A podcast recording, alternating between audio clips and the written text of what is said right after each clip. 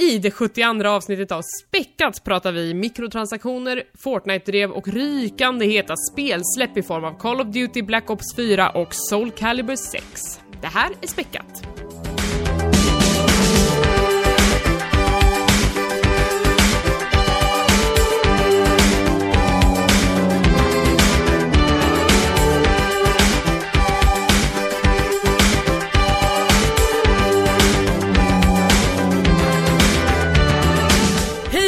Välkomna till Späckat, en podcast om spel och allt runt omkring. Det här är avsnitt nummer 72 och med mig har jag Niklas.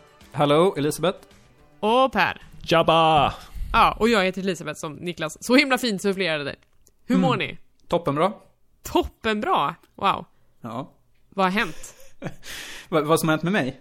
Ja, varför mår du toppenbra? Hur vågar du? Nej men, eh, jag var ju på... Så himla icke-jante Niklas. Ja, nej men ibland måste man ju få... Eh, jag, ska ju berätta om att jag, jag var på fest i helgen, födelsedagsfest.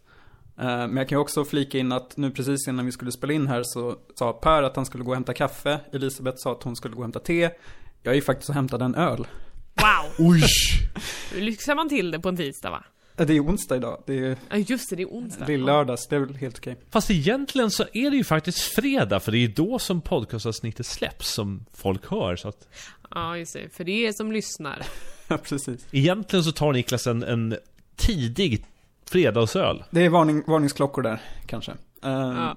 Ja men, eh, nej men som sagt, eh, lite kort bara så var jag på en födelsedagsfest och det var jättetrevligt. Och pricken över dit var att jag testade ett nytt sånt här partyspel. Oh. Eh, lite i samma stuk som det här eh, Jackbox Party Pack, men även det här gamla Bass, ni vet när man satt med mentometerknappar och, Jajamän. och tryckte. Åh, bass! Eh, ja, det är goda minnen. Det här heter då Knowledge is Power. Som eh, finns på, jag tror det finns på Playstation Plus just nu. Så att det var ju liksom, eh, just en blandning av de två spelen jag nämnde. Att man istället för sådana här mentometerknappar så sitter man med sina mobiler, så alla kan ju vara med. Men det är ganska mycket fokus på just så kunskapsfrågor med lite geografi, lite musik, eh, ja, you name it. Olika... Men det är lite som en TP nästan. Lite som TP, men det är också lite så här en hel del fokus på att du kan sabotera för andra spelare. Du kan liksom kasta eh, saker på, på dem så att deras svarsalternativ, liksom att det faller bort eh, bokstäver från dem. Eh, eller att du kastar lera på dem så att de inte ser vad det står på skärmen. Och lite sånt där. Så det blir väldigt mycket så att man eh, sabbar för den som leder. Så att det blir ju väldigt jämnt. Eh, efter de här typ tio frågorna är klar, avklarade. Så det var, det var roligt. Ja, kul. Var det, var det en partyhöjare? Det var en partyhöjare. Om ni är på någon fest och ni känner att liksom, stämningen börjar mattas av lite, då, då kan ni dra det här esset ur rockärmen och ladda ner det och spela det. Det var ett, ett lite tips här i mikroformat känns det som. Men alltså jag tycker att det är, det är en sån himla uprising på partyspelsgenren, att folk börjar verkligen utforska den genren och att det kommer så himla många märkliga partyspel nu för tiden. Uh, typ The Yog som är som ett uh, Choose Your Own Adventure-spel för uh, upp till fyra spelare. Eller, min kollega tipsade om något som heter Light Fingers nu som också var ett partyspel som är liksom lokal co-op och som man ska typ fucka upp för varandra och bli ovänner. Och jag tycker det är kul att den, den genren går bra, men det är också för många spel. Jag, har, jag går inte på så många fester att jag får chansen att prova alla sådana Och här så spel. konstiga crossovers som Ra- Rabbids och Mario. Ja, men det är inget party. Det, det är ju det, Eh, det är väl ett lite, det, är väl, det kan väl vara party till? Nej. tveksamt. Nej, Nej, okej, nu, nej, nej, är nu. Nu får du börja gå ut, komma ut lite Ja. på Ja, fest. det kanske är det. Jag vet inte. Där vet, jag vet inte hur partyspelen. Jag försöker här låtsas vara en del av det. Åh nej, men Per, eh, hur mår du? Ehm, Förutom att du inte får gå på fest. jo, men alltså om jag får också får känna efter så, så känner jag mig lite, lite trött idag. Först och främst så var jag så, så dum så att jag har suttit uppe sent på natten och skrivit en, en, eh, en spelrecension i, igår. Så att eh, det blev väldigt sent. Sen eh, håller jag på att tappa hopp om mänskligheten just nu. Eh, som World of Warcraft-spelare så pågår eh, just nu ett, ett eh, ganska stort debacle där eh, en, jag, jag är rädd för att säga en majoritet, men eh, den, den, den högljudda minoriteten är just nu väldigt högljudd och typ eh, klagar på att eh, expansionen Battle for Azeroth är så himla dålig. Och eh, nu häromdagen så typ kulminerade i att eh, att eh, Youtube-profilen Asmongold har lagt upp ett klipp som sågar eh, expansionen vid fotknölarna. Och det har setts i dagsläget av, av 400 000 människor. Så att det är väldigt mycket wine. Utvecklare hotas. Eh, Det här är, det är trist, speciellt när det kommer från Blizzard som så aktivt jobbar för att ha en, en bra kultur. Mm. att, Men du går Vad väl det klagar på då?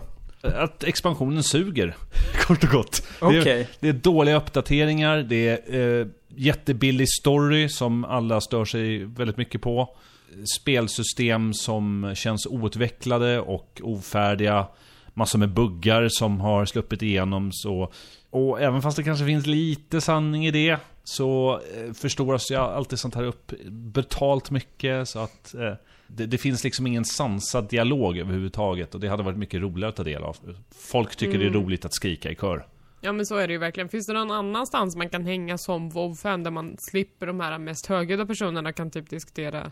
Det där är också en negativ grej, för nu har det blivit så i, i WoW så har ju, har ju chattarna förvandlats till så här, också negativa körer och det pratas till och med på den servern som jag är på så kan man ju till och med se typ svensk politik diskuteras på daglig basis och det känns som att ens tillflyktsort har förstörts lite på det här Åh sättet. nej. Men jag har blivit piggare nu i alla fall, för att du gav så jävla bra tips inför det här, eh, inför den här podden. nu sätter du och lyssnar på anime-intros från 90-talet. Ja. Det är det ultimata taggverktyget. Jag kände också att jag behövde en dos av anime-intros idag. Sen efteråt, då känner man sig jäkligt på. Håller på att Mm, ja, vakna men det- nu i alla fall, så att... Ja men precis. Vad bra att du, du ändå är med nu inför avsnittet. Hur mår du då Elisabeth? Jag har inte, jag har inte hunnit känna efter, men jag mår ju också ganska bra efter den här anime-grejen. Vad har jag gjort sen sist? Jag vet inte vad jag gjort sen sist. Jag, har- jag har faktiskt också varit på, på fest. Jag och eh, Lisa var och hängde på releasefesten för Call of Duty. Eh, vilket kan tyckas vara märkligt eftersom jag är så totalt ointresserad av Call of Duty. Jag tyckte bara att det var kul att gå på fest. Ja. Eh, Jag ska ju prata ja. om det senare i avsnittet. Kanske Ja precis, jag tänker att du, du får leverera de faktiska åsikterna om spelet så kan jag re- leverera hur det var på festen. Ja, det blir väl jättebra.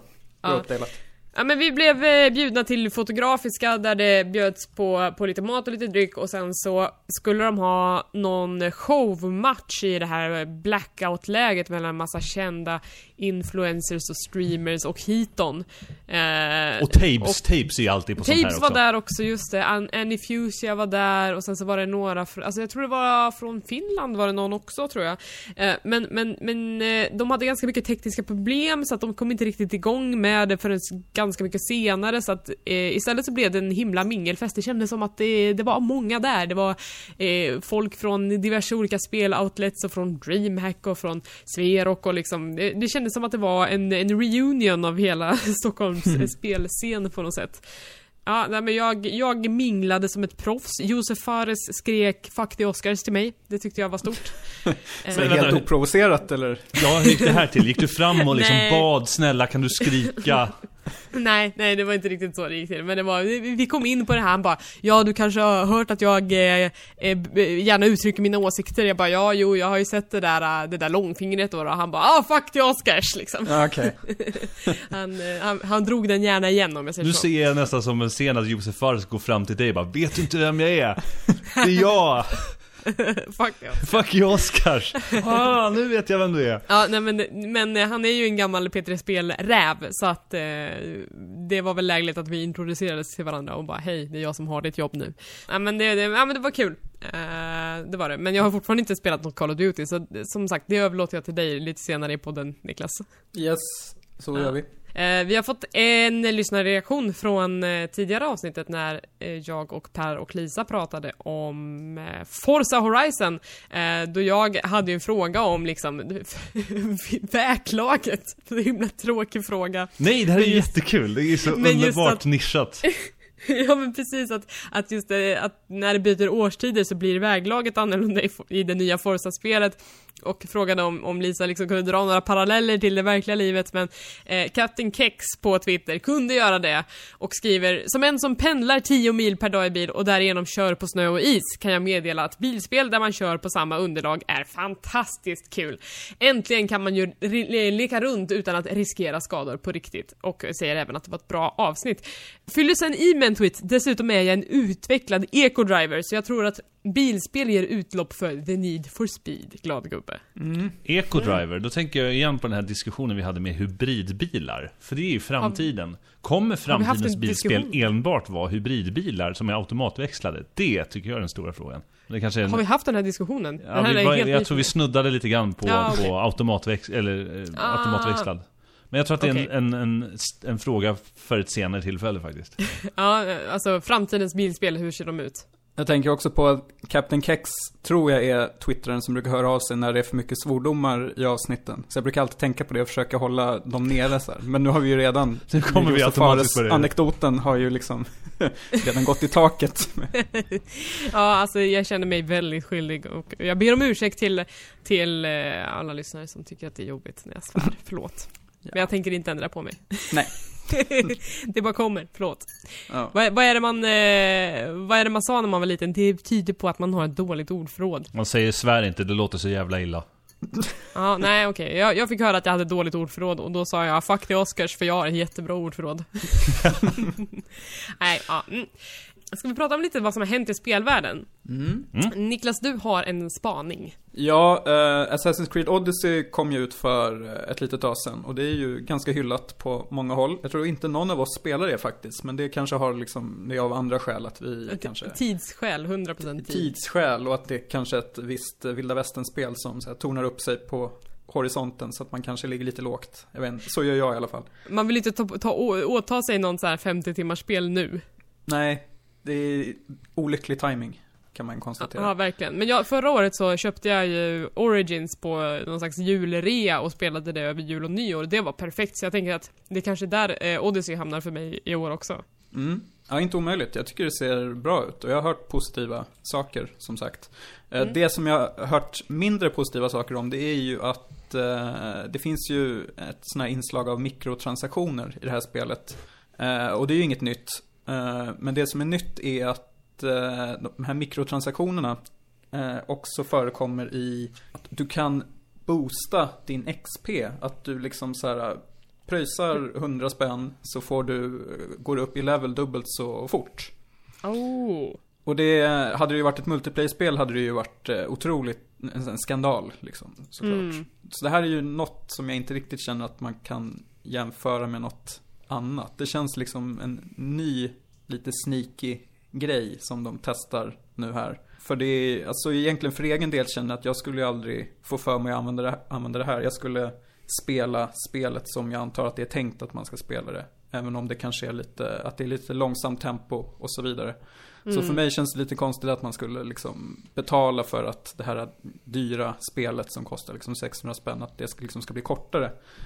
Men jag vet inte, det kanske är liksom för eh, såna här, riktar sig till lite mer så här stressiga personer som vill vara först hela tiden och komma till slutet och se det innan alla andra. Så att man tänker att de på något sätt ska falla dit och eh, köpa det här eh, extra boosten. Eller vad tycker ni? Är det här något som ni skulle liksom kunna tänka er att betala för? Absolut inte. Jag tycker ofta att så här, ett, ett, eh, ett bra spel, och som jag ofta tänker att Assassin's Creed faktiskt är, så spelar det ingen roll ofta vilken level man är. Alltså det du får är ju att du får låsa upp nya skills i skillträdet, men de flesta situationerna kan man ju ta sig förbi utan att vara... Nej fan, det är lite level caps på vissa grejer trots allt. eh, Ja, jag det är ju efter. huvuduppdragen tror jag att du måste vara en viss level för. Alltså, jag- det är fan sant. Ja, Om jag bara sticker in här, jag är ju eh, spelvärldens snålaste person kanske, så jag känner direkt att även om jag gillar Assassin's Creed-spelen väldigt mycket så känner jag att jag aldrig hade velat boosta en XP. Kommer jag undan med någonting utan att behöva betala det så kommer jag spela det precis så. Mm, Eh, samma här. Men, Eh. men tycker ni att det är fel av um, Ubisoft då att eh, lägga på den här kostnaden för att man måste, för att man, eh, för de som vill spela spelet fortare?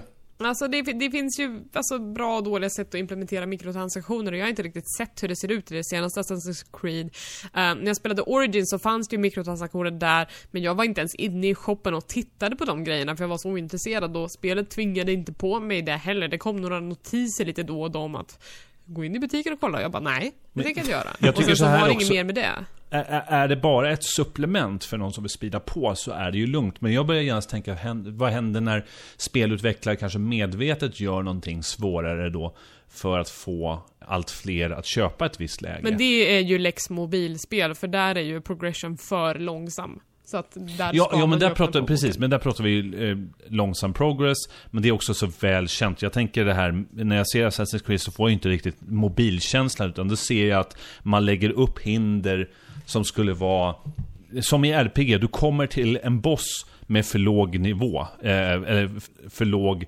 level på din karaktär, då tvingas du grinda Mm. eller någonting. Jag tänker om du medvetet gör din speldesign så i ett spel som du redan har betalat fullpris för, det är ju ett, ett eller lågvattenmärke av en helt annan karaktär. Mm, jag fattar. Jag fattar. Ja, nej, men jag, jag, om det är så att det, det finns en, en cap på det sättet, eller att det blir en tröskel som är för hög, då tycker jag absolut att det är dåligt. Uh, jag, jag, jag tänker på eh, Middle-earth Shadow of War som kom förra året också, som hamnade i väldigt mycket blåsväder för sina mikrotransaktioner, där man också i, köpte sig i förlängningen tid.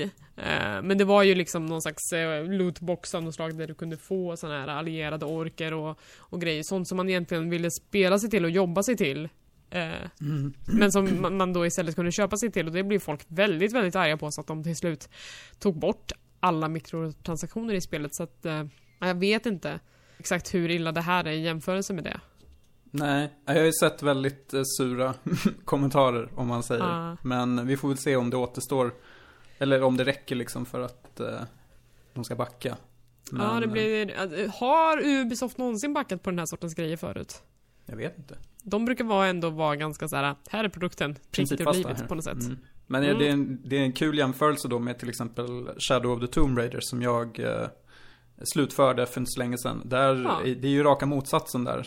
Att där kan du verkligen skräddarsy hur du vill att liksom svårighetsgraden ska läggas upp. Du kan ställa in hur svåra pusslerna ska vara, du kan ställa in hur svåra fienderna kan vara. Så att där kan du verkligen skräddarsy din egen upplevelse. Eh, till skillnad från Odyssey då, där du Mm. ja, måste betala för att eh, få göra det. Ja, det är faktiskt lite märkligt. Det är lite märkligt, men vi får väl Ja. se om det är fler som Ja. tar efter här eller ja. Ja, det blir spännande. Jag ska, jag ska ge mitt utlåtande när, när jag väl spelar Assassin's Creed Odyssey någon gång i februari då. ja. Vi tar upp det här då. Då kommer vi vara väldigt ajour eh, Mm. och ha hot takes som ingen någonsin har levererat förut. En annan snackis som har varit väldigt stor i spel-Sverige, eller spelvärlden också för den delen, är ju att eh, eh, vilken av bröderna Hauser är det som har varit i intervju nu? Sam Hauser. Dan Hauser tror jag Dan Hauser. Den skalliga. En av bröderna Hauser, som då är frontmännen för studion Rockstar, har gått ut och pratat i en intervju om sitt kommande spel Red Dead Redemption 2 som de såklart är väldigt taggade på att släppa. Eh, varpå han droppar den här kommentaren att vi har jobbat 100 timmars veckor för att ro det här i hamn. Och eh, det kan man ju tycka, av gud vilken dedikation, men det är väldigt många som verkligen stannar upp och bara, man, man hör den här skivan så bara Vänta lite. Eh, har ni alltså slavkört era arbetare i 100 timmars veckor för det är verkligen inte bra för någon. Eh, så blev det väldigt mycket skriverier och väldigt mycket arga tweets och så vidare. Då fick eh, de gå ut i en till intervju och backa på det här och säga att jo, alltså det var ju inte alla som jobbade 100 timmars veckor under ett helt år utan det var ju vi seniora och ansvariga som gjorde det under en tre veckors period och då och då att ingen annan är tvungen att, eh, att göra samma insats. Eh, Ska man tro på det? det ska man verkligen inte tro på för att på den här sortens arbetsplatser så, eh, så säger man ju att det är frivilligt. Framförallt har här- ju gamla utvecklare gått ut på, på eh, Twitter och, eh, nu höll jag på, på, på svära, men det är ungefär vad, vad de har gjort och sagt att det här, det här statementet som släpptes är fullkomligt skitsnack. Mm. Samtidigt så, jag tror att du säkert skulle komma in på det också Elisabeth, men det här att, Mm. att bara för att det är ett fåtal så kan det fortfarande finnas en tyst kultur. För att en gör det så kan mycket väl flera göra det också. Ja, men precis. Eller så här, det, det är... Eh, det är vanskligt att, eh, att säga, alltså att som, som anställd, när ens chef säger att du får vara här hur länge du vill, men vi kommer sitta här i 100 timmar den här veckan. Då, det finns ju en maktobalans där i att man vill ju inte vara den som jobbar minst. Man vill inte vara den som går hem när alla andra sitter och jobbar när man ser att det finns jobb att göra för att dels så kanske du sabbar dina egna chanser för att avancera och, och dels så ja men du, du blir inte sedd som en, en, en som, som tar en för laget. Och, och det är väldigt svårt att vara principfast i den situationen, speciellt om du kanske är på väg att, att eh, gå in i väggen eller sådana grejer. För att gör man det här under en längre period så är det ju skadligt för liksom hjärnan. Ehm, så jag eh, skulle ta det med en väldigt stor nypa salt att de säger att det är helt frivilligt. Och speciellt nu som du säger att det kommer folk dels från, från utvecklingen i det förra Red Dead Redemption. Eh, Då var det ju också ett upprop över att det var för mycket crunch. Men också nu så kommer folk ut och säger att att de, de kallar sig själva för survivors från Rockstar, att jag överlevde Rockstar och så här var det liksom. Det, det, är ju, eh, det är ju 100% säkert att vi inte har sett det sista av det här. Jason Schreier, som är, han är väl eh, chefredaktör för, för Kotaku. Som också har skrivit den här boken eh, Blood, Sweat and Pixel som just handlar om, om crunch. Han eh, intervjuar ju och har jobbat på en artikel med folk från Rockstar om det här situationen. Så jag är övertygad om att vi kommer få se liksom, eh, Riot-liknande text som vi inte såg så länge, för så länge sedan. Eh, Ja, en annan ja. sak som jag tycker är värd att belysa, det är det här vilken typ av, av lön du har eh, som amerikanskt företag. Att du inte får timersättning utan du får, det vill säga en fast lön och därför inte betalt för övertid. Nej, men så är det ju verkligen överallt i spelbranschen som jag har förstått det. Jag vet inte en spelstudio som betalar för övertid. Tufft, tufft klimat. Det är ju, det är ju någonting så alltså, när jag kom till, till mina arbetsintervjuer, och jag har varit på några stycken, då är det ju så här att vi räknar med att det blir övertid liksom. Och det är någonting man tackar ja till när man tackar ja till jobbet. Mm. Det är en inte jättetråkig norm. Eh, Ja, och det, det verkar väl vara normen tyvärr på, ja, ja på men många. Och det misstänker också att när, när det ska liksom koras eh, årets bästa spel där vid årsskiftet så kommer ju säkert Red Dead Redemption 2 plocka hem många liksom utmärkelser och då har väl kanske många glömt det här. Ja men precis, och, och, då är det så här, ja men på vilken, till vilken bekostnad blev det här ett jättebra spel? Hur tänker ni när ni köper spel? Eh, påverkar sådana här grejer, alltså vill, vill man stoppa pengar i fickan på, på cheferna som, som uppmuntrar en sån här kultur? Jag tycker det är en jättesvår fråga för jag har sett den eh, dyka upp då på diskussions... Eh, eller i sociala media. Dels känner jag att man vill ju, man vill ju gärna bestraffa de som eh, praktiserar sånt här. Men samtidigt så tänker jag att, att du vill ju också belöna de som har lagt ner så mycket tid på det här och gärna se till att de har kvar sitt levebröd. Så att jag tycker att det är, det är jättesvårt och jag tror inte att det här att bojkotta spel är en så himla effektiv strategi därför jag tror att det inte är så många som, som gör det och ändå kommer sälja. Det, det, liksom, det, det statementet i sig kommer inte göra något avtryck. Men jag tycker det ska diskuteras och det ska vara väldigt klart Att man i alla fall hör av sig på något sätt. Men bojkott tror jag inte på. Hur kände du Niklas? Kommer du köpa Red Dead? Jag kommer nog köpa Red Dead, men eh, det är, det är just det här också att eh, ytterligare en skrytfaktor är ju att de säger att spelet ska vara 65 timmar långt. Och då känner jag Oj. extra så här hur mycket, hur många extra timmar det har då kostat för att, eh, från eh, utvecklarna då. eh, Mm. För att liksom klämma in allt det här innehållet. Och jag känner att svår, jag har svårt att tänka mig att de här 65 timmarna kommer att liksom vara, fortsätta och överraska och liksom vara spännande. Utan att det, jag tror det är mycket en sån här förväntan att de här spelen ska vara så här sjukt långa. Eller att liksom man ska bräcka varandra med att säga att vårt spel är så här och så här långt och så vidare. Så det är också en så här eh, tråkig utveckling, tycker jag. Ja, det känns som att det är ju någon slags dragkamp mellan eh, liksom Rockstar och eh, CD Projekt Red. De försöker ju verkligen så här, trumfa varandra i vem kan ha mest eh, substansfullt innehåll i sitt spel.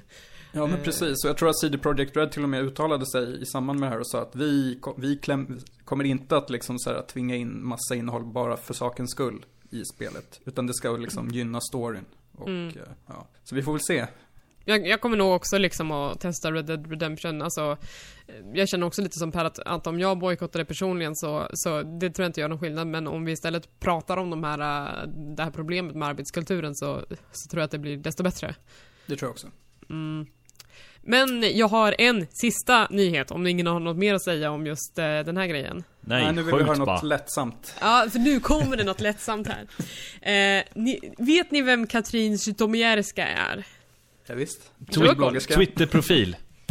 Ja, alltså hon har ju varit bloggare sen eh, en herrans massa år tillbaka men också nu någon slags influencer och eh, någon slags eh, hälsosamt ätande profil. Jag vet inte riktigt vad hon håller på med men jag vet vad hon håller på med idag och det är att hon har startat ett drev mot Fortnite. Eh, det är hon Oj. väldigt stolt över. Ja. Hon har lagt upp en bild på sin Instagram där hon har en, ett svart linne på sig och så har hon photoshoppat på det här linnet 'Fuck Fortnite' eh, text i stora bokstäver. Ja. Och sen så skriver hon Det är med stor stolthet jag vill berätta för er att jag nu skapat ett drev. Väldigt öppen med... Ja men verkligen, hon, hon, är in, hon skräder inte orden. Men hon har i alla fall övertalat en massa mammor om att man behöver inte låta sina barn spela Fortnite.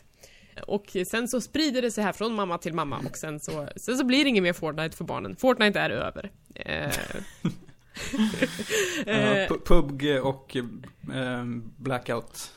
ja det är det som gäller nu Marknaden liksom. tar över. Ja. Jag måste, Ja, det- jag måste få säga då först att, eh, för att låta som en så här riktigt gammal gubbe, fast jag är 33. eh, Jag satt ju på, på tåget hem idag. Och så sitter eh, en kid och tittar En på kid. någon... Ja, En kid. Ett kid. Tittar, tittar Ett på kid. en stream på sin eh, mobil. En Fortnite-stream. På högsta jävla volym. Nej. Och som, som äkta svensk så, sitter, så är det ingen, så alla stör sig på det men ingen säger någonting. Jag bara, ah. Och så tänker man så här, om det ändå fanns ett drev mot Fortnite. Så att de kunde sluta med det här. Så att jag välkomnar Katrinas Du initiativ. deltar i uppr- uppropet. Ja. Jag vill också photoshoppa en tröja med Fortnite. Fuck Fortnite. Ja men det kan vi lösa. Det löser vi. Ja men hon hävdar i alla fall att det är för mycket våld i Fortnite. Hon har suttit i Aftonbladet morgon och debatterat mot Gustav på FZ och, och grejer. Men, men, men jag tycker att det finaste i det här inlägget, när hon då startar sitt drev mot Fortnite, är att hon avslutar eh, den här långa ranten med att vad snaskar jag på medan jag skriver mitt inlägg? En knäckeskiva med aprikossylt. Kan tipsa om det med jag faktiskt at cleaneating.se. Hashtag fuck Fortnite. Och clean, och clean Eating är ju alltså hennes eget företag där hon säljer typ aprikossylt, inte fan vet jag. Skam, skamlig, skamlig Nej, reklam det- alltså. Det här är fantastisk product placement. Jag tycker den är, den är så skamlös så att den är briljant. Jag tycker att det här är det bästa jag sett den här veckan. För att det är dåligt. Det är bra för att det är dåligt. Det är bra för att det är dåligt. Eh, ja, nej, jag, jag vill ju avsluta alla mina rants med Och vad snaskar jag på medan jag rantar om det här? Jo, jag dricker en varm kopp lychee-te. Det kan jag också tipsa om, hör du. Ja, Mm. Nej, mycket bra. Jag hoppas, jag önskar Katrin all välgång i hennes drev mot Fortnite och hoppas att hon och, eh, jag antar att det är PUBG som hon istället vill ha fram, att det får upprättelse. Tror ni att, att Katrin tror att eh, man kan bojkotta eh, Red Dead Redemption? Tänk om hon kunde göra en insats där. Ja, att hon kunde också säga till spel. de här mammorna, varför får ditt barn spela Red Dead Redemption? Och alla mammorna bara, men gud, jag kan ju säga nej! ja, äh, där har vi någonting. Jag tror att vi ska starta ett samarbete.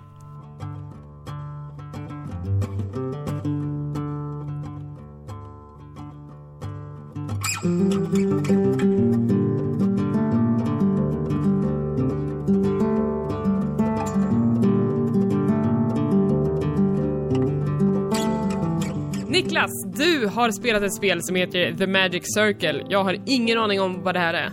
Det hade jag inte förväntat mig. Det är ett ganska lite, lite mindre spel. Mellan varven med de här liksom stora titlarna så försöker jag gå tillbaks till den här backloggen, ni vet. Och eh, betar av de här som jag har köpt på någon rea för några år sedan. Och The Magic Circle det är ju då ett, eh, ett indiespel från 2015. Som, eh, det rör sig lite i gränslandet mellan typspel som The Stanley Parable, Portal eh, Pony Island. Ni vet lite sådana här pussel metaspel som är lite av en sån satir också över, över spelbranschen. Mm. Eh, sånt brukar vara uppfriskande tycker jag. Eh, mellan eh, varven då att spela. Eh, och det handlar om en, en här, spelregissör och manusförfattare som hade en så här, stor hit i spelvärlden för massa år sedan. Och som i drygt eh, 20 år så har han arbetat med den här uppföljaren till den här kassasuccén.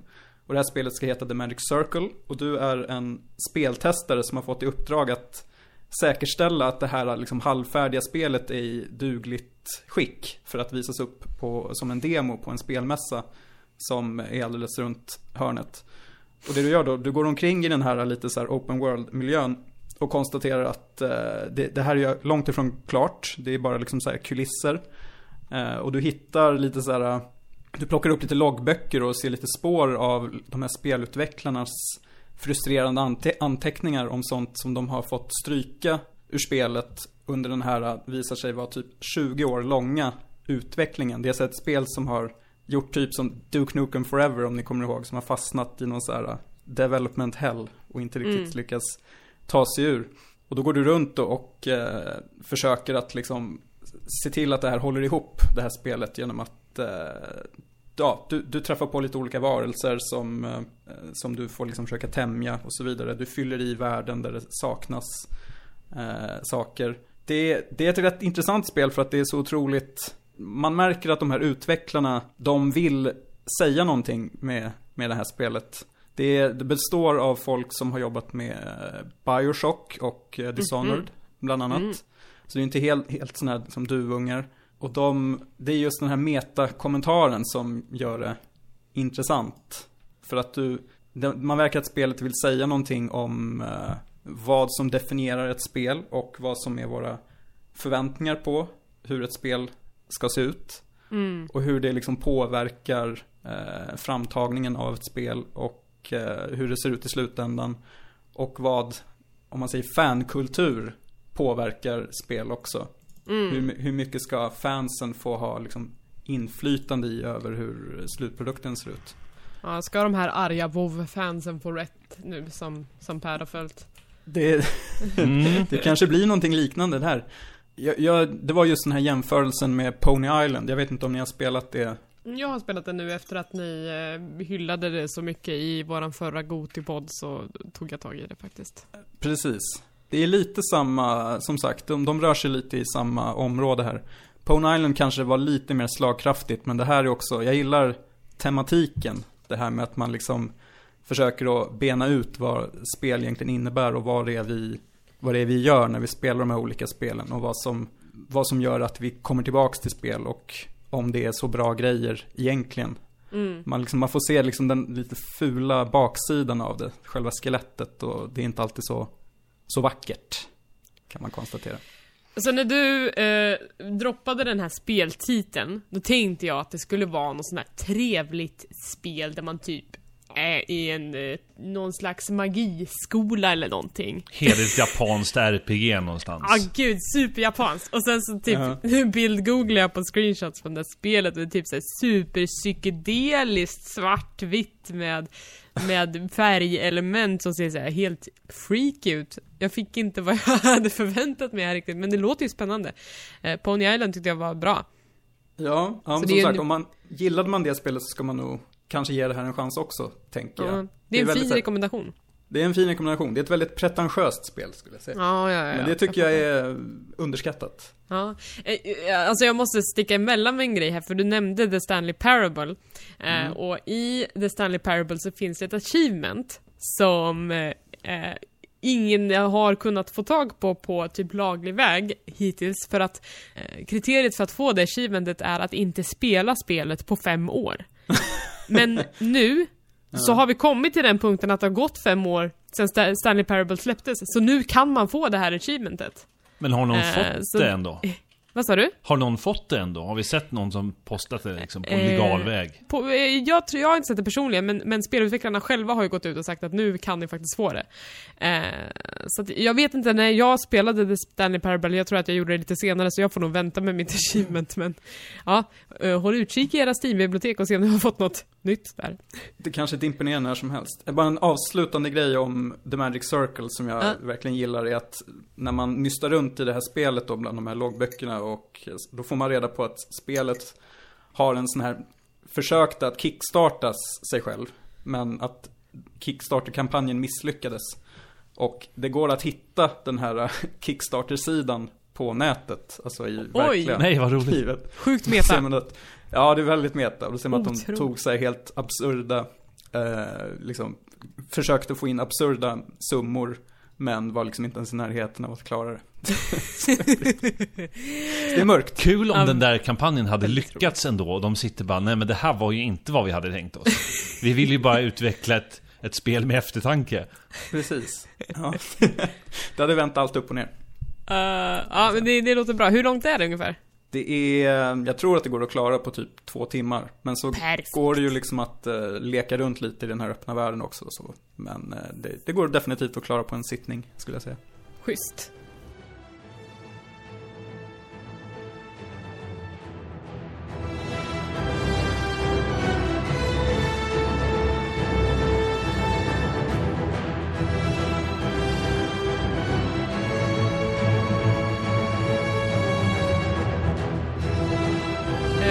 Jag kan göra ett kort inslag nu och prata lite om ett spel som vi har pratat om flera gånger här. Först ut tror jag var Effie Karaboda när hon var här som gäst.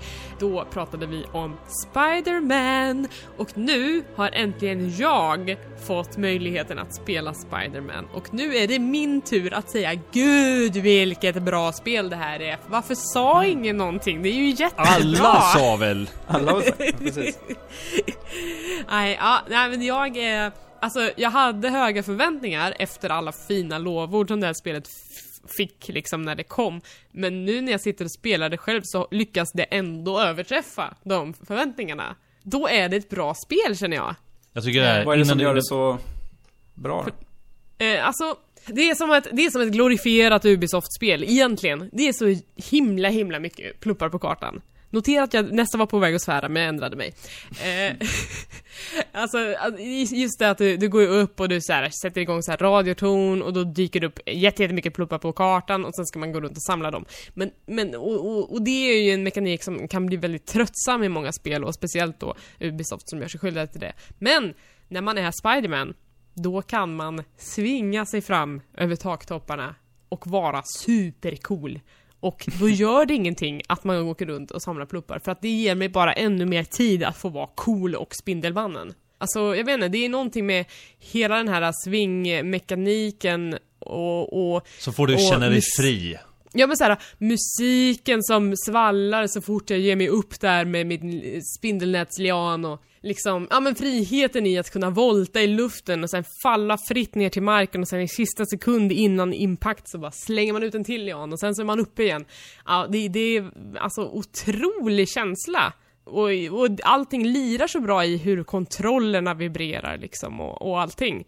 Jag har verkligen superkul med det här och storyn är så här, ja, ja men det är en Spiderman-story. Och, och, och att den ändå har ett väldigt bra tempo i att mellan varje main mission, som inte är jättelångt, så får man ofta tid att andas ut, att Spindelmannen sätter sig på ett tak och säger att ah, ja, medan jag väntar, då kan jag göra lite freelancing så att säga. Och då kan man bara gå runt och plocka några pluppar på kartan eller stoppa lite brott på gatan och så vidare. Att det känns verkligen eh, som, att, som att man är Spindelmannen.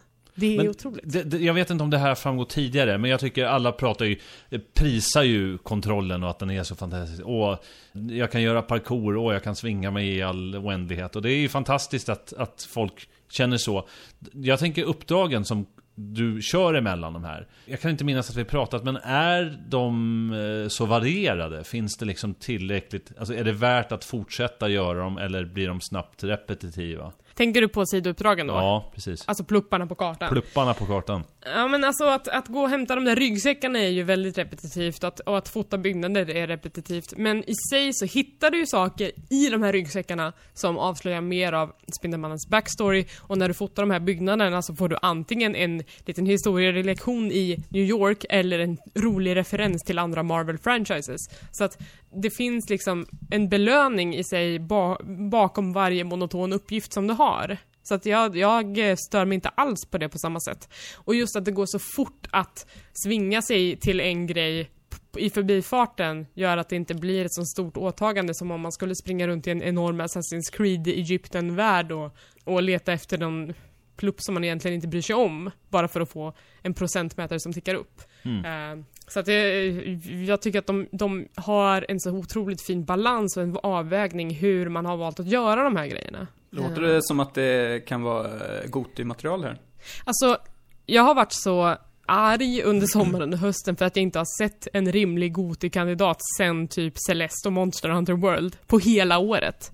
Och sen kommer Spiderman och bara äntligen ett bra spel, Jesus! Vad har ni hållit på med liksom? Eh, Det har varit ett stabilt spelår men det är få som har blivit så här klockrena som, som Spindelmannen är nu. Jag blir bara arg att höra det här för varje gång nu som man liksom har vuxit upp med Spindelmannen och spelat tidigare Spindelmannen-spel, att inte ha möjlighet att sätta mig ner Ja, och det spela är det här. synd. Det är... synd, Per. Ja, det gör ont i själen.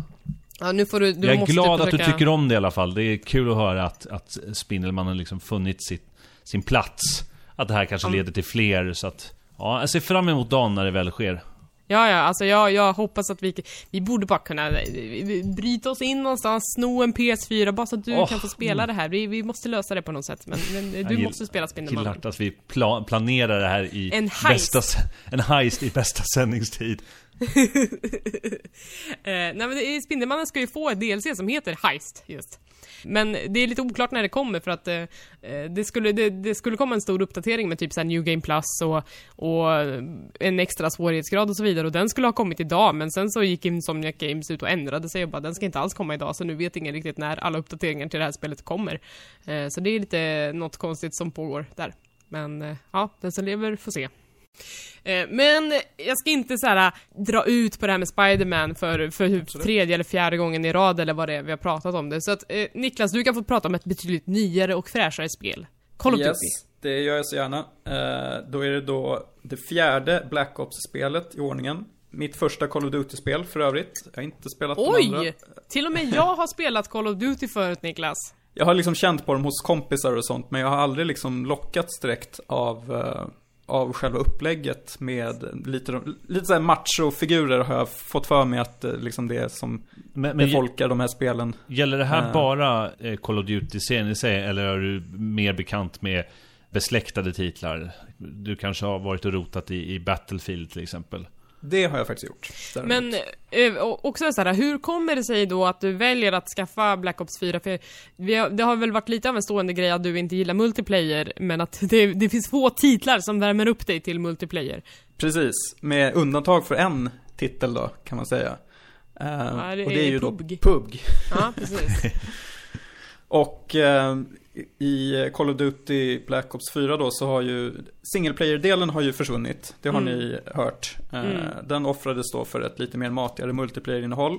Och eh, det är då tre stycken stora spel, eller liksom delar kan man säga som det här spelet består av. Dels är det multiplayer som är väldigt så klassiska snabba matcher. Eh, där du ska ta över baser och lite sånt där. Dels är det ett zombie mode Som vanligt. Så Ja, precis. Som är lite så här Left 4 Dead-stuk. Du ska ta dig igenom, eh, ta dig djupare in i banan. Ta dig igenom horder av zombies eh, och lite sånt där. På Titanic till exempel finns det en bana som utspelas. Lite så makabert, kanske. Eh, och sen är det då det tredje stora bidragande som fick mig att eh, liksom köpa det här. Och det är då Blackout som är ett Battle Royale-läge. Mhm. Som eh, jag först kände lite så här, jag vet inte, jag satt och tittade på när Dr. Disrespect Mm. spelade. Och Mm. tänkte så här, alltså det här ser ju typ ut som PUBG. Behöver jag verkligen köpa det här spelet nu för 600 kronor? Nej, jag kanske kan gå tillbaka till PUBG. Men så gjorde jag det i alla fall. Och eh, jag tycker ändå att det, det är, det är liksom PUBG som är mer strömlinjeformat, mer arkadigt och mer liksom eh, fartfyllt. Och utan rubberbanding? Nej, precis. Det, det flyter på stabilt, Mm, mm, ska jag säga. Men, Ehm. men så att det, det för, för det känns som att Tommy försökte ju bygga lite hype för det här häromveckan när, när betan var igång och, och så här, jag var inte så, hade inte så mycket respons till det för att jag kände mig så himla out of touch med, Mm. med Battle Royale- Royale-genren. Men du tycker alltså att Blackout är en, en running in becoming America's next top model. det kan man säga. Jag försöker vara lite nere med kidsen också, Ja, just det. Just det. kan man konstatera.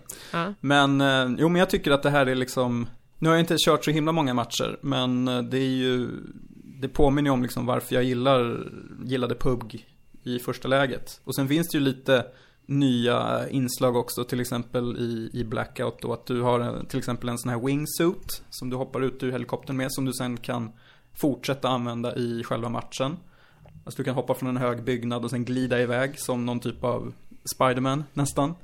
Och Fast en flygekorre, om vi ska vara... Ja, kanske, kanske bättre liknelse. Men du har en gra- grappling hook, har du också. Coolt. Så att Coolt. du kan svinga dig fram. Och det är liksom såna här grejer du plockar upp. Det finns en radiostyrd bil som du kan eh, införskaffa och sen köra iväg och speja liksom omgivningarna med. Ehm, så det finns lite nya inslag. Jag tycker ändå att det är liksom, det är, visst det är ju likt på många sätt, men det är ändå, det, det har ett berättigande. Hur, hur tycker du blir- vapnen fungerar här? Hur, Jag måste erkänna att jag har inte riktigt, jag har liksom inte riktigt kunnat Pu- PUBG var jag, jag minns ju hur det var i PUBG, det var otroligt förvirrande allting i början. Själva upplägget och vad som var bra vapen och vilka liksom, sikten man skulle använda. Nu är det ju lite samma grej, att man inte riktigt vet vad som är värt att plocka upp och så vidare. Men eh, jag tänker att det kommer ge sig allt eftersom också. Men här finns det ju lite mer så här, om man säger explosiva vapen. Det finns en så här raket, ett raketgevär. Du kan, plock, du kan flyga iväg i helikoptrar också. Bara liksom att skapa oreda. Så det, de har ju liksom adderat nya inslag till en genre som liksom fortsätter att, att utvecklas ändå tycker jag. Men det där tycker Mm, jag för det- låter spännande när du säger att, att man kan flyga iväg i helikopter. För att visst att det har funnits andra typer av fordon, men som jag vet inga luftbaserade fordon. Nej, I alla fall precis. inte i, i, i PubG. Mm, Men det här, det här är ju, förlåt, hade du en följdfråga på det? Nej, jag vill bara veta lite mer hur det där spelar. Alltså, jag, som fordon tycker jag jättemycket om helikopter, men tycker att det är det en stor fördel att få det och vad, vad bidrar det med till, till hela formatet? Eh, jag har aldrig flygit en helikopter, Ah, så jag vet typiskt. inte. En dag Niklas. En dag så kanske det blir min tur. Nej, jag vågar inte. Jag har bara åkt båt och eh, kört bil. Men jag tänker att det blir ju, det här blir ju intressant att jämföra med eh, Battlefield 5 nu som är väl en månad bort. Ja, lite Mm. drygt. Och se vad deras tolkning av eh, Battle Royale-genren blir. För de har ju verkligen haft mycket fordon och sånt och destructible buildings spelare. för att förändra landskap. Så det ska ju också bli intressant. Det blir väldigt eh, intressant. Och sen såg jag att nu på, apropå Dr. Disrespect, så eh, när jag tittade på hans eh, stream igår så blev det ett, eh, ett tjafs mellan han och eh, den här Ninja, som jag har talas om kanske. Ja, ja, ja. Att eh, han fick, Dr. Disrespect fick reda på att Ninja hade snackat skit om honom och så spelade han upp det här klippet och blev liksom helt vansinnig. Och, och, och säger att liksom, ja, anytime, anywhere, Oj. så kan jag spöa dig. Och jag Oj. hoppas ju att eh, The Doc kommer att eh, liksom sopa banan med Ninja och hans kompis som jag inte riktigt vet vad han, Då, kommer ihåg vad han heter men. de, må- eh, du kanske tänker på Shroud, jag vet inte. Ja, Men det kanske. Tyckte att det här lät eh, stageat för att... Eh, Det kan ju vara det. Jag tänker att de är liksom som så här wrestlare eller någonting som Ja, försöker men bygga upp alltså lite Dr. hype. Disrespect är väl hela hans stage, det är klart att folk vill se de två göra upp. Vi har ju Ja, Dr. precis. Disrespect som är larger than life och sen har vi Ninja som är liksom en platt jävla pannkaka. Otroligt slät figur. Ja, men i det, vi har ju dissat honom förut, vi ska inte göra det varje gång vi pratar om det honom. här är farligt, han kanske snappar upp det här. Jag vill inte mucka med en person som har X antal miljoner följare. Precis. Ligg lågt. Ja. Men, men alltså det här är ju det första stora Alltså det första AAA Battle Royale och som du säger, vi har ju Firestorm från Battlefield på gång. Eh, men om du skulle, om du skulle ranka alla Battle Royale du har spelat hittills. Hur ser listan ut just nu? Ja, det blir ju, det är ju bara det här och PUBG jag har spelat. Jag har faktiskt aldrig testat Fortnite. Nej. Ah, Det ser okej. så invecklat ut när du ska hålla på och bygga saker och sånt där. Så nere med kidsen är jag inte att jag... Och du har inte spelat någon Islands of Nine eller något sånt där? uh, Totally Nej. accurate battlegrounds, inget sånt? Nej, men om jag ska jämföra det här med PUBG så tycker jag, alltså PUBG har ändå någonting, alltså det var ju så otroligt nyskapande på något sätt när det kom. För mig i alla fall, jag hade aldrig Mm. spelat något liknande. Och den här lite så här tröga och fumliga kontrollen, den vande man ju sig vid efter ett tag. Det här Mm. är liksom en så mycket lyxigare upplevelse, Ah, nästan fattar. lite för lyxig kan jag tycka. Men vi får väl se. Kan det vara dödsstöten för PUBG? Vem Jag för mig att jag läste att det inte hade påverkat deras liksom, antal spelare nu Nej. när eh, Blackout kom. Så jag vet inte. Det kanske Ja. finns liksom utrymme för tre stora och snart, snart fyra stora Battle Royale-spel. Det Nej, återstår fan, att Det är se. sjukt. Det är ganska mycket i och för sig. Ja. Icke att förglömma kanske- Battle Right som också har gjort övergången in i Battle Royale så att vi... Jaha, det visste inte jag. Ja, eh, det har ju fått sig ett rejält uppsving av, eh, Mm. eh, av att ha gått in i Battle Royale-formatet. eh, Från att ha liksom dött av lite grann. Men vi, vi når ju någonstans den här punkten snart att, jag vet inte, överdosen av Battle Royale. För, för jag tänker att också Red Dead Redemption, det ryktas ju väldigt, väldigt starkt om att det ska finnas ett Battle Royale-läge i multiplayer där med. Någonstans så tar det ju slut på spelare, tänker jag. Snart, snart eh, har vi nått bristningsgränsen. Ja, ja vi, får se, vi får se exakt när den, när den När det är sker.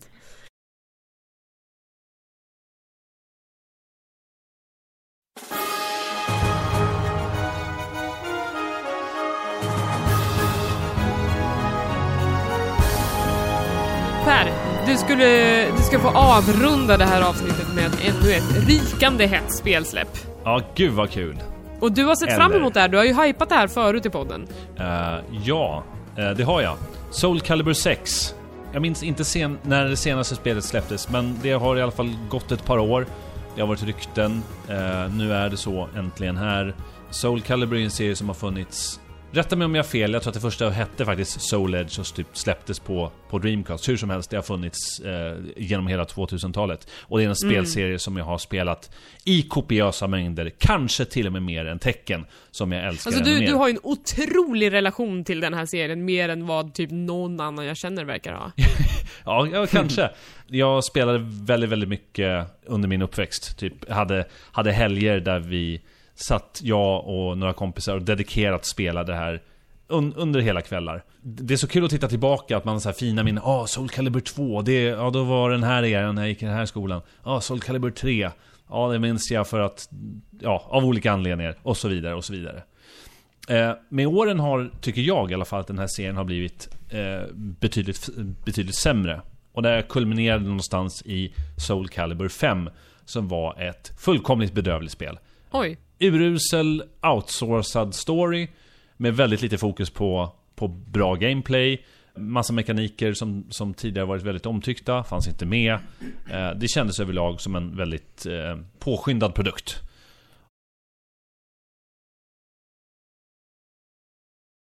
Femman är väl det första spelet i serien där Soul Calibur har liksom skrivits som ett ord också för att det ska vara lite mer edgy. Och det är väl alltid så här varningsklockor när man försöker liksom spicea till det genom att eh, ändra i sådana detaljer. Ja, och också ta in jag, jag Som minns inte att det togs in väldigt populära nya och karaktärer också för att försöka hetta, upp serien. De föll bort. Mm. Ja. Men vad, vad är det nytt i Soul Calibur 6? Det nya är väl tillbakagången till det gamla egentligen.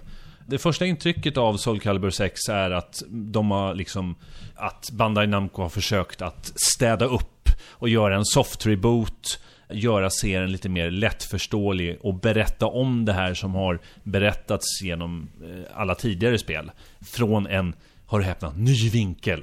Så att... Eh, Gamla karaktärer är tillbaka, liksom eh, stridssystem som har varit med tidigare. Överlag så har de lagt väldigt, väldigt mycket fokus på, tror jag, att dra in nya spelare. Göra det så lättbegripligt för folk som aldrig rört Soul Calibur att kom, komma in i det här. Och det gör de ganska bra. Men jag som gammal spelare stör mig på massor av olika moment som man har lagt in i det här. Genom åren så har ju Soul Calibur försökt positionera sig som ett slags rollspels fighting-spel. Då det har funnits ett, ett, ja, men ett, ett story mode där du kan skapa din egen karaktär och gå på äventyr genom att liksom slå, slå dig fram mot massor med fiender som du stöter på din väg. Eh, köp, köpa vapen, köpa föremål och så vidare. Och det här har de då expanderat på ännu mer i, i sexan. Och det, det finns liksom inget kött på benen här överhuvudtaget.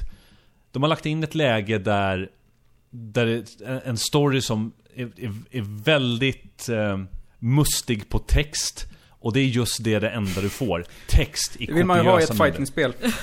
Jag Men- kan tänka mig att, att Tommy skulle vara nöjd, men jag tänker att alla som vill slåss är inte så himla nöjda. Nej men alltså det, det är ju ingen fel på en bra story, men tänk dig att du sitter och läser en bok på skärmen och bara väntar på när börjar min match? När får jag börja slåss? Och det finns liksom, de har inte, de har inte lagt några resurser på det här, utan det är just, du sitter i ett menysystem där det bara rullar på massa text och du ser en, still, en, en tråkig generisk bakgrund samt ett stillbildsporträtt på karaktärerna som interagerar med varandra. Och det ger absolut ingenting, för du får liksom ingen du, du får ingen känsla vad det är för typ av story. Du hör lite ljudeffekter när de loss, att det händer någonting, typ att en kanon sprängs eller en båt seglar iväg och så vidare. Och det här reflekteras också i, i ett annat läge som heter, eh, det heter inte story mode, men typ Soul Chronicle. Där du då spelar med de etablerade karaktärerna. Och det är också samma sak, där har också de här stillbilderna och generiska bakgrunderna. Så det känns som att de har att deras narrativa designer har fått gått bananas och skrivit liksom 50 000 sidor text. Samtidigt som grafikerna då, nej, nej det här var inte så kul. Jag vill, jag vill lägga fokus på stridssystemet istället. Jag, jag vill ju älska det här spelet. Soul Calibur, liksom, jag, som jag skrev i min recension häromdagen, att Soul Calibur är ett spel som blev synonymt för snabba tempon, kvicka menyer där allting liksom, allting hände så snabbt. Men Soul Calibur liksom, sexan är allt annat än vad jag minns det som. Och därför är det väldigt plågsamt att se vad, vad min ungdomskärlek har blivit. Gått ner sig Men det. Elisabeth, Men- jag hörde att du har spelat det här i alla fall. Ja, för jag spelade det tillsammans med mina kollegor på någon slags AV där vi typ satte oss ner, drack lite öl och typ bara körde lite versus. Och det är väl här så här, min stora fråga är liksom, för spelar man verkligen fighting-spelen för storyn? Alltså jag gör ju sällan det, utan jag vill ju bara ha schysst fight på något sätt. Och gärna i goda vänners lag. Och i, jag har inte spelat något Soul Calibur förut och min, min fightingspels eh, erfarenhet är ju begränsad i att jag bara har spelat i princip Smash. Så för mig så var det ganska eh, det är så svårt att komma in i, man sitter ju mest och buttonmashar och hoppas att man vet ungefär vad man håller på med. Men fast det är det som är alls. så underbart med Soul Calibur, för att det är så lätt att hitta attacker. För att du Ja, kan i men princip precis. göra vad fan du vill. Du kan button mash och ändå hitta en slags kombination. Och, och grejen med det som jag vill säga är väl att jag kunde sitta där i ett gäng timmar utan ens att röra vid storyn och utan ens längta efter någon slags story, att jag kunde ha kul ändå. Man, om, om man känner sig som en, som en outsider som inte är ute efter story utan bara kanske vill ha något schysst lir och, och spöa polarna i så kan jag säga att det funkade ju utmärkt för att göra. Eh, men, men jag kan ju inte, kan ju varken säga bu eller bä om om dina invändningar mot liksom narrativ och story och sådana grejer, hur de har hanterat det. men, men- jag tycker att bara i, som fightingspel så står det ju bra på egna ben. Det är liksom, även fast du buttonmashar så går det ganska bra. Man, man får, som du säger, till slut något slags grepp ungefär hur man gör, hur man gör en ulti och så vidare. Men inte. det var ju att säga, för eh, själva fighting-systemet är det ju inget fel på. Det har ju snarare Nej. gått tillbaka till, till rätt riktning. Men just det här rollspelselementen har ju funnits med nu så många år. Jag tror att det började redan i Soul Calibur 3. Där de liksom positionerar sig som att vi ska vara ett rollspels fighting-spel, för vi tror att vi har en väldigt bra story med våra karaktärer. Det här vävs ju också in i att du kan designa dina egna karaktärer. Där du kan ta en av de etablerade stridsmekanikerna, till exempel. Vi säger det, då, jag, jag hörde att du spelar ju med karaktären Rafael. Ah, Och, vilken kille! ja, och då Han känns det... fäktar! Ja, men då tänker du, fan kul det med fäktning. Jag ska skapa en egen karaktär, en OC, en original character. Eh, En self-insert. en self-insert som fäktas. Då kan du välja, nu ska jag ha, nu tar jag den här eh, stilen och sen designar ansikte, kropp, allting. Får till och med designa i ett väldigt, väldigt bra röstsystem som är extremt specifikt. Till och med kasta in dina egna repliker, vilket jag tycker är fantastiskt i det här spelet. Alltså hur funkar det? Det, fun- det fungerar som att du går in, du har, eh, eh, eh, säg fem stycken olika röst, röster. Manliga och kvinnliga. Dessa kan du sedan i fem olika reglage dra upp så pitch, dra Ja. ner så att du får en stämning där och Ja. eh, mustighet och sånt där. Därefter så kan du i en lista på typ hundra olika dialogval välja ut så här, ja jag vill att min karaktär ska vara kaxig, jag vill att min karaktär ska Jaha, säga men det är här. inte så att jag kan typ så här prata in i mikrofonen Nej, nej, nej. och säga Ät gurkmajonnäs din skurk. nej, det... Ja, nej, gud bevara om det skulle bli massa så här extremismgrejer i, i spel. Ja, det varit vore trist i och för sig. Men, men just det här att skapa karaktär har varit jättestort i Soul Calibur, speciellt i de här rollspelslägena. Och i sexan så, så är det här rollspelsläget viktigt för du får också poäng att eh, du, kan, du, du får guld som du kan läsa in till så kallade soul points. Och soul points använder du för att låsa upp kosmetika. Som du I, sedan... men det är inga, inga i mikrotransaktioner eller sådär. In, ja, inte än. Ah. Eh, så eh, det vet jag inte. Men det, det, det jag rop, ropar inte hej än. Nej. Eh, Men, så att det här att bygga sin, karak- sin egen karaktär, den kan du också slåss med online i versus-läget. Vilket är Ah. också extremt vanligt. Så att det slutar för att du tröttnar på att typ slåss med Rafael. Du slåss mycket hellre med din OC. Hur blir balansen då? Eller är det liksom helt och hållet moveset baserad på en annan Ja, karaktär? det är exakt Mm, samma okej. balans. Okej, jag fattar. Eh, Annars hade det ju också kunnat gå ganska illa, tänker jag. Ja, för en slags TLDR då så tycker jag att stridssystemet fort, fortfarande fantastiskt. Eh, Storyläget bedrövligt. Customizen också bedrövligt. Jag hoppas innerligt att de kommer lägga till betydligt fler kosmetika för just nu så finns det typ ingenting. Jag är både glad att få spela här igen men också väldigt bedrövad att Soul Calibur inte har gått i en bättre riktning. Tråkigt. Mm. Jag har också en punkt ö, i Soul Calibur som jag ändå förvånansvärt nog blev besviken för. Eh, och det är ju det här att spel, spel, fighting-spel generellt har ju ett väldigt dåligt rykte när det kommer till eh, representation av kvinnor. Och det är inte det att det inte finns kvinnor, utan det är det att de har eh, väldigt opraktiska och små kläder på sig. Eh, men när jag nu ska spela Soul Calibur 6 så är det typ inga tuttlisor. Jag blev jättebesviken. Va? Nej men jag vänta, har det är ju- inte sant. Ja men så här, jag, har, jag, jag är ju verkligen en sån som står på barrikaden och tycker att det ska vara bättre kvinnorepresentation och feminism och bla bla bla.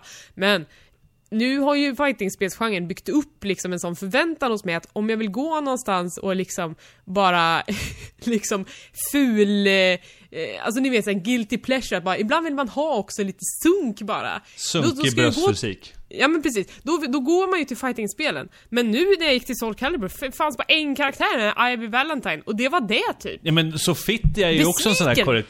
Alltså, Soul Calibur är ju, är ju typ själva epit... Det är ju the prime example av ett spel som födde den här krit- kritiken i att visa Mm. trosbilder och tuttfysik. Ja, du får gå tillbaka igen, för jag är övertygad om att det finns åtminstone två som kan stilla... Två tuttlisor. Ja, stilla ditt guilty pleasure-behov. Men, men, Och, men, och det finns ju character creation. Där ja kan just du, det, du just kan klä av dem fullständigt. egen. Ja. Mm.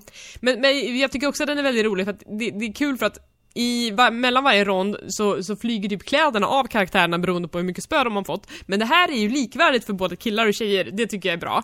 Men den här karaktären, Voldo, så otroligt obehaglig karaktär.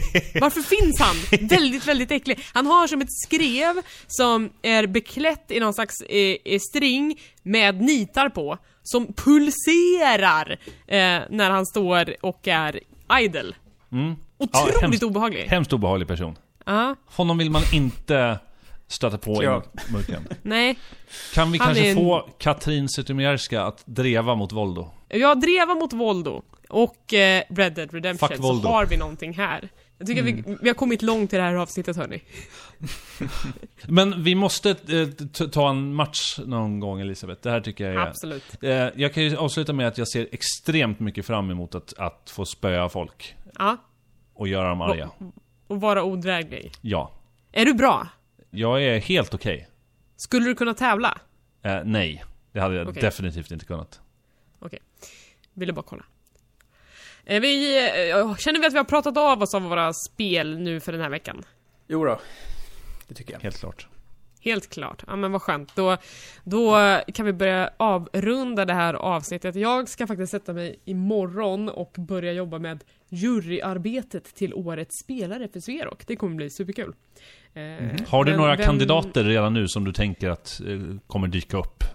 Utan Ja, men jag har, ju fått, jag har ju fått hela listan på alla nominerade så att det handlar ju mer om att typ såhär, välja ut några favoriter som man kommer kunna eh, slåss lite extra för när man sen sammanstrålar med juryn då.